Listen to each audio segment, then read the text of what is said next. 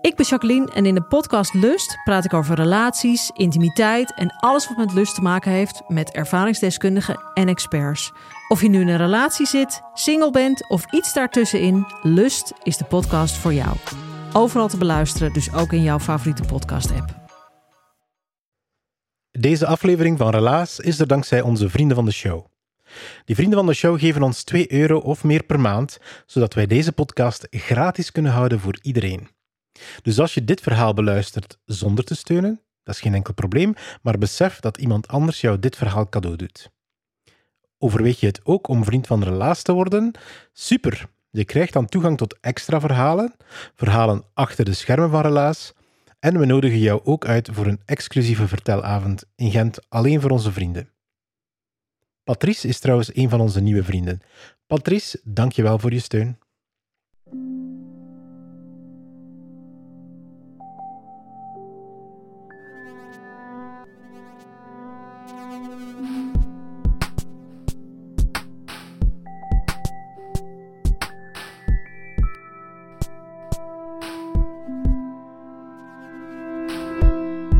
Hey, ik ben Pieter van Relaas.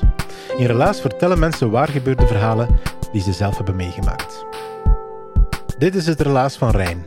Ze heeft het verteld in het Stadsmuseum Stam in Gent voor een volle zaal. Rijn vertelt een reisverhaal en zo hebben we er al veel gehad in Relaas. Maar ze zijn toch telkens anders. En reisverhalen, je weet dat het gaat natuurlijk nooit over reizen, een beetje toch wel, maar vooral over veel belangrijkere dingen, zoals vertrouwen in jezelf. Zeker als je denkt dat je even het pad kwijt bent. Wie weet wat voor schoons kom je allemaal tegen.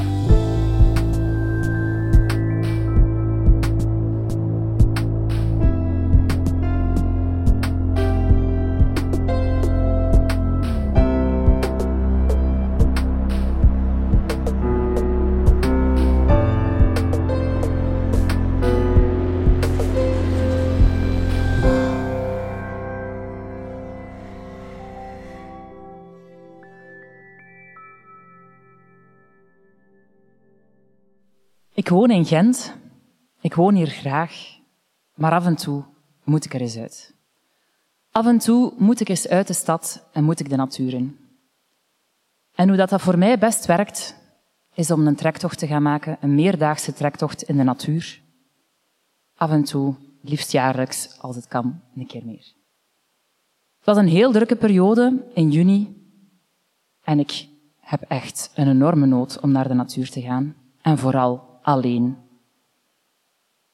Ik wil echt gewoon geen prikkels meer, alleen.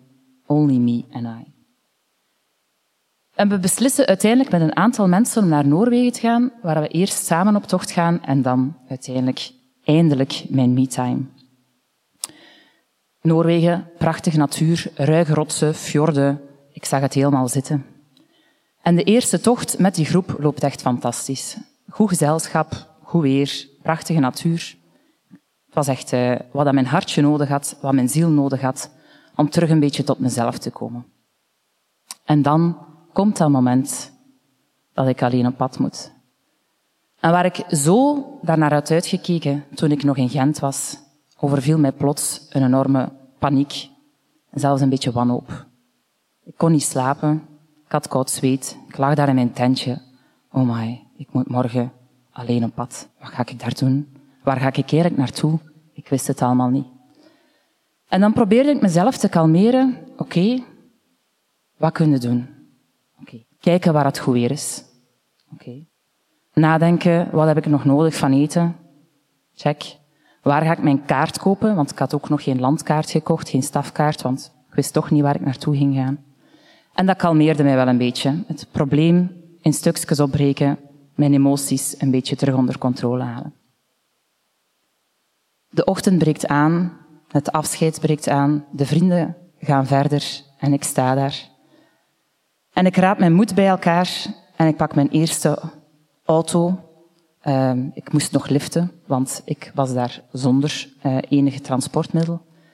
Ik spreek die eerste mensen aan, die mensen twijfelen even, maar geven mij een lift. En ik denk, yes, we zijn begonnen. En ik voel dat direct mijn vertrouwen om samen, om, om alleen op pad te gaan, dat dat terug een beetje aan het stijgen is. Ik kom in een winkel tegen waar ik mijn kaart koop, doe mijn laatste boodschappen, vertrek naar de camping en we hebben er zin in. Ik begin aan een eerste wandeling. Ik had een gebied gekozen waar er een gemarkeerd pad ging zijn. Dat wil zeggen dat er streepjes staan op bomen of op stenen die de route aantonen. Er staan ook soms van die steenmannetjes, waarbij dat er stenen op een hoopje liggen. Uh, ook dat wijst u de weg, en vooral ook bij slecht weer. Mm, ik had dat pad gekozen omdat ik me dan veiliger zou voelen. Ik dacht, ja, op een gemarkeerd pad, daar gaat zeker wel nog volk rondlopen. Als ik dan mijn been breek, dan gaat er mij toch iemand vinden. Het is misschien niet de dag zelf, maar misschien dan toch de dag daarna. En zo geschiedde, ik begin eraan en eigenlijk zit alles mee op die eerste tocht. Ik krijg nog wafels van iemand vlak voordat ik vertrek. Ergens in een dorpje uh, krijg ik ook nog een pizza met rendiervlees op, bij mensen thuis. Ik prijs me super gelukkig. Een dag daarna kom ik een rendier tegen en denk ik, nee, niet weglopen, niet bang zijn. En dan denk ik, ah ja, jawel, wel nog weglopen, want wie weet belanden op dat bord van die jager. Uh, maar dat is pas binnen een paar maanden, zeg ik tegen dat beest. Ik wil vooral nog even bonden met u. Um, het is prachtig weer. Ik voel me één met de natuur. Ik voel me echt, ja, één met het universum zelfs bijna. En vanuit dat vertrouwen begin ik aan een tweede tocht. Een tweede tocht die iets uitdagender ging zijn, waar er geen gemarkeerd pad ging zijn. Nog steeds wel veilig, dacht ik, want vlakbij een grote stad, en ik denk, ja, het gaat weekend zijn, grote stad, mensen in Noorwegen, die gaan toch zeker wel af en toe gaan wandelen.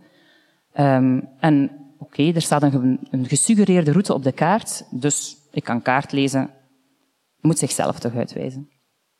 En ik kom iemand tegen en ik vertel die over mijn plannen en die zegt, ja, ik zou daar toch wel drie dagen voor rekenen. En ik zo, oei, drie dagen? Ja, hoe moeilijk kan het zijn? Het is 30 kilometer. Ik was eigenlijk van plan om dat twee dagen te doen. 15 kilometer per dag, moet toch lukken. Ik heb al twee weken mijn rugzak gedragen. Uh, ik ben die super gewoon. En de zondag ging ik naar huis gaan, dus ik had nog heel weinig eten. Mijn rugzak kon dus eigenlijk niet lichter zijn dan dat ik al uh, had. Maar ik sla de advies toch niet helemaal in de wind. Uh, ik maak er uiteindelijk 2,5 dagen van. Het is vrijdagmiddag en ik denk, ja, als ik nu nog start, het is lang licht in Noorwegen, dan kan ik nog een volledige vrijdag wandelen, dan een volledige zaterdag, en dan de zondag heb ik eigenlijk wel tot vier of vijf uur, want mijn vlucht die is pas avonds laat. En in dat provinciehoofdstadje, ja, die inchecktijden, dat gaat toch vanzelf gaan. En zo gezegd, zo geschieden. Ik begin aan mijn tocht. En initieel is er een pad. En ik denk van, ah, een pad? Ideaal. Dat gaat er misschien toch gemakkelijker zijn dan wat die mens zei. En ik begin eraan, pad, goed gemutst. Het gaat wel stevig naar omhoog, maar het gaat toch vooruit. En dan ben ik mijn pad kwijt. En ik denk van, allee, hoe is dat nu mogelijk? Hier is een pad en plots is er geen pad meer. Hoe kan dat nu? En ik zoek het wat, ik vind het terug. En een beetje later gebeurt datzelfde opnieuw. Ik zit op een pad, ben mijn pad kwijt. Ik zoek het en ik vind het opnieuw. En dat herhaalt zich een aantal keer. Totdat ik er zoveel onrust van krijg, dat ik zeg tegen mezelf, dat ik me kalmeer. Ja, maar lees dan toch gewoon de kaart, laat dat pad links liggen en vertrouw gewoon op je skills om de weg te vinden. Dus dat doe ik dan ook. Vanuit herwonnen kracht zet ik mijn tocht verder. Een beetje later kom ik dat pad weer tegen en denk ik, maar wat is dat hier nu? Hier is wel een pad, hier is geen pad. Ik krijg het echt. Maar goed, uh, ik ga verder en ik uh, schiet iets minder ver op dan ik had gedacht, maar nog steeds voldoende om mijn plan van zondag, mijn vlucht, te realiseren. En ik zie aan de wolken dat het uh, weer gaat veranderen. En ik zet mijn tentje op en mijn tentje staat nog maar net of het begint te regenen. En ik denk, yes, goed gedaan. Hè? Je kunt toch goed in de natuur zijn, jij op jezelf, hebt toch veel vaardigheden geleerd om dat hier allemaal maar te doen. En ik zit veilig in mijn tentje, mijn, uh, mijn eten te eten. En ik, uh, ik klop mezelf zo op de borst en ik ben vrij content. Het stopt wat met regenen, of wordt wat minder. En ik doe mijn tentdeurtje open en ik zie twee prachtige regenbogen. En ik denk, ga, koning te rijk. Ik voel mij geweldig. En ik ga nog een beetje naar buiten, mijn omgeving verkennen. En ik ben in volle bewondering voor die bergen. Echt mastodonten van bergen. kloefers van bergen, heel rotsachtig, weinig vegetatie, echt heel ruw en ruig. Eigenlijk een beetje zoals dat je Noorwegen kunt voorstellen. En ik denk echt van, wauw, ik voel me klein, maar wel vol bewondering. En plots slaat dat ook weer een beetje om in, haha, misschien dat daarom hier niemand loopt. Omdat hier toch wel ruw en ruig is. En toch wel veel hoogteverschil. En dat ik morgen hier naar beneden moet gaan.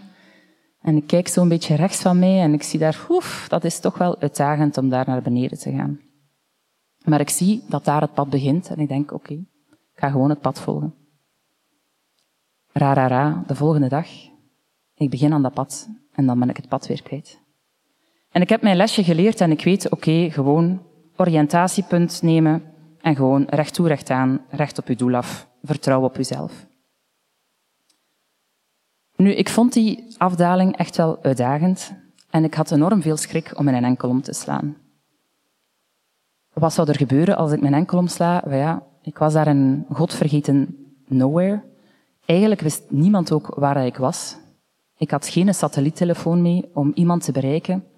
Ik had thuis wel gezegd, ja, ja, ik ga in de buurt van dat provinciehoofdstadje nog een wandeling doen en zondag heb ik mijn vlucht. Maar eigenlijk wist niemand waar ik was.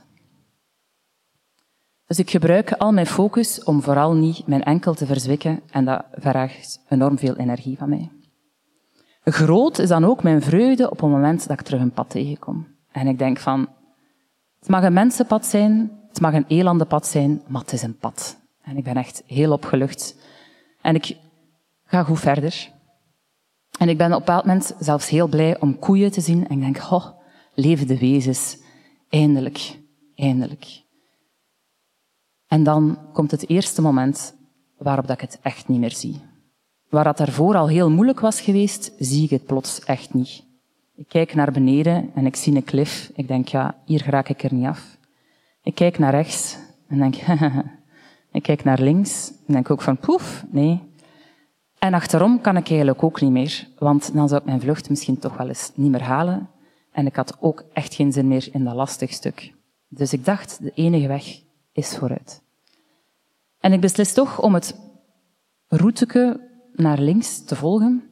Uh, maar eigenlijk was dat absoluut al geen wandelpad meer. Dat was eigenlijk eerder klimmen en klauteren.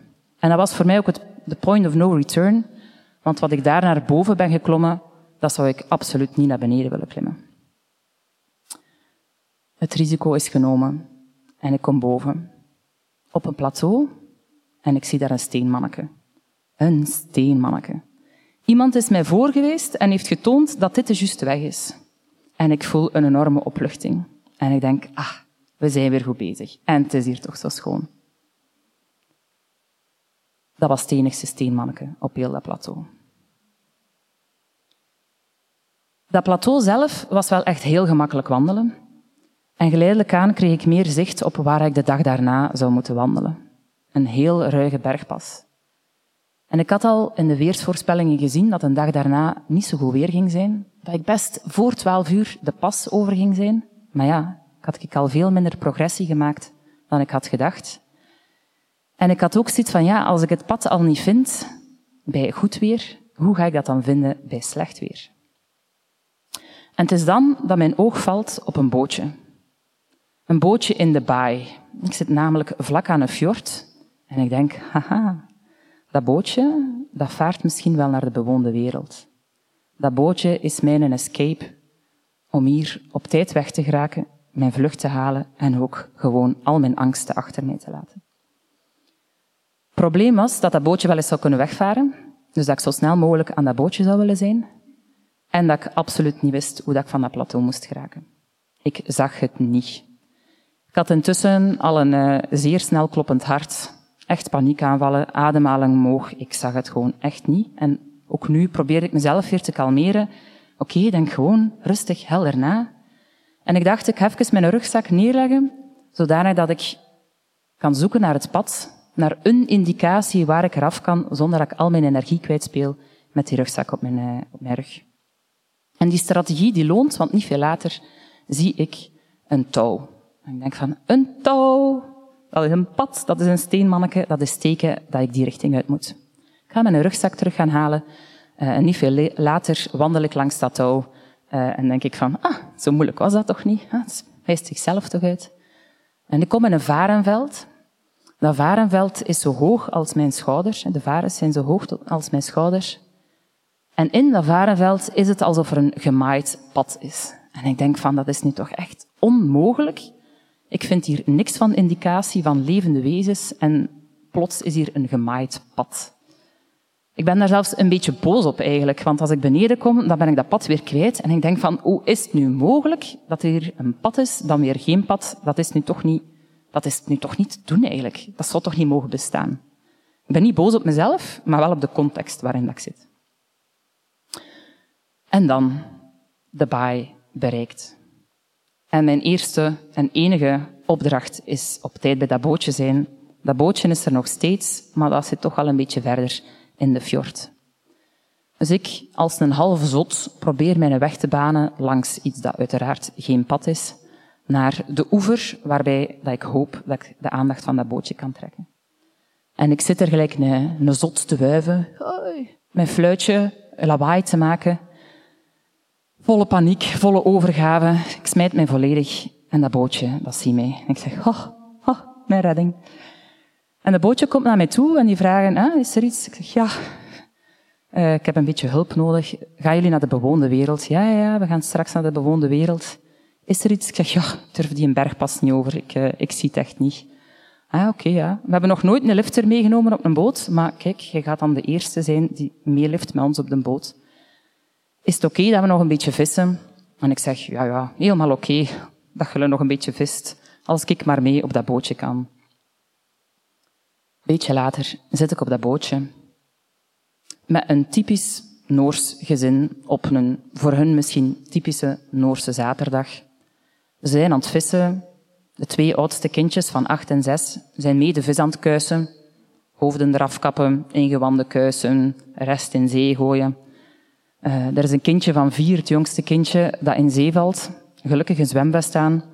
Maar die ouders die schrikken wel even, maar dat is gelijk precies toch allemaal snel passé.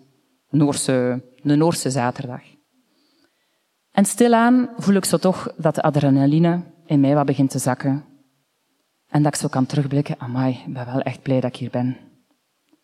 En ik bedenk mij, mijn reis was misschien niet zo mindful als ik voor ogen had toen ik in Gent vertrok. Maar ik ben toch blij dat ik nu naar huis kan schrijven. Alles is goed en morgen ben ik thuis. En de foto van dat bootje in die imposante fjord is nog steeds het screenshot op mijn gsm. En dat betoont mij elke dag opnieuw dat ik graag op reis ben, maar dat ik ook graag veilig thuis ben.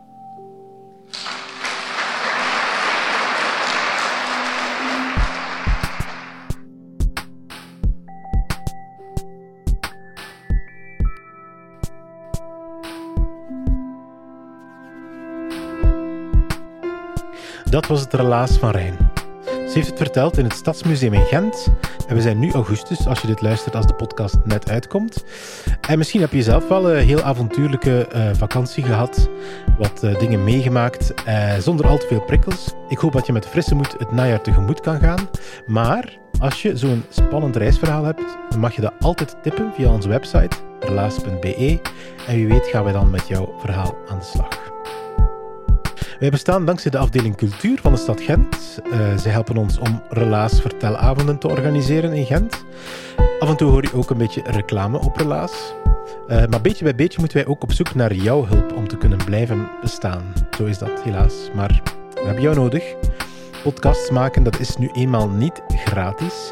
En je weet het of niet, maar van Spotify of Apple zien wij geen rode cent.